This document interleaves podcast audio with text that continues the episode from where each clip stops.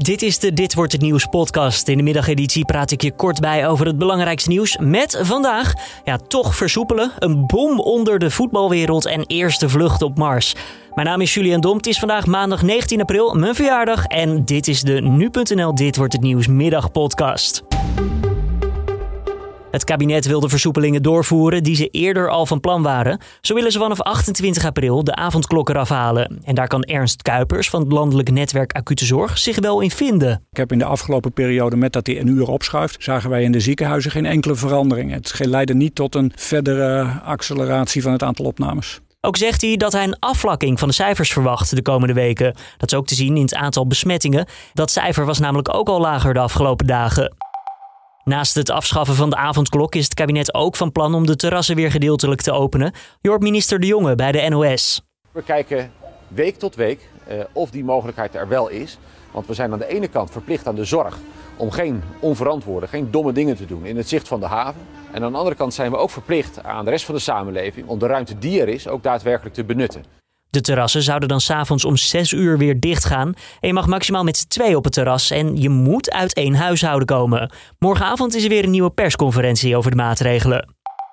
De Russische oppositieleider Navalny is naar een ziekenhuis gebracht. Navalny zit een straf uit van 2,5 jaar in een strafkamp. Maar eind vorige maand ging hij in hongerstaking. Sinds die tijd gaat het bergafwaarts met zijn gezondheid. Volgens zijn aanhangers heeft hij niet lang meer te leven. De gevangenisautoriteiten in Rusland blijven zeggen dat het goed met hem gaat.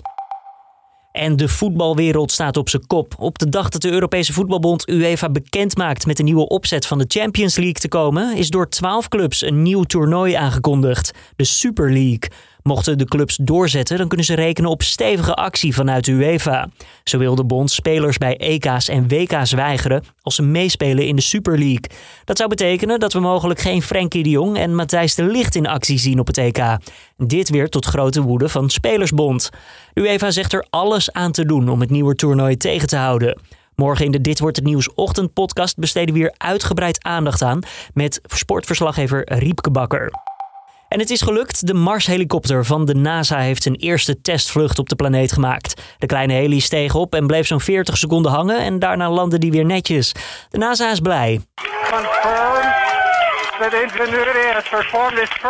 Ja, klinkt misschien een beetje alsof dit ook op Mars is opgenomen, maar dit was toch echt de jubelende controlekamer van de NASA. In de komende weken zal de heli nog vaker ingezet worden voor testvluchten. Dan nog eventjes het weer van Weerplaza. Vanavond verdwijnen de meeste buien. Het klaart op en de temperatuur ligt rond het vriespunt. Morgen begint de dag met mist, later zon en wolken en met name in het noorden kans op een bui. Het wordt dan 14 tot 18 graden. En de buitenschoolse opvang is vanaf vandaag weer open. Vier maanden waren de deuren dicht en het was voor ouders soms echt eventjes puzzelen hoe en wat. Nou, vandaag heerst er vooral blijdschap en dat geldt ook voor de zevenjarige Samuel. Die vertelt bij Omroep Gelderland al wat hij gaat doen ga ik spelen, dan ga ik uh, tekenen, Lego spelen.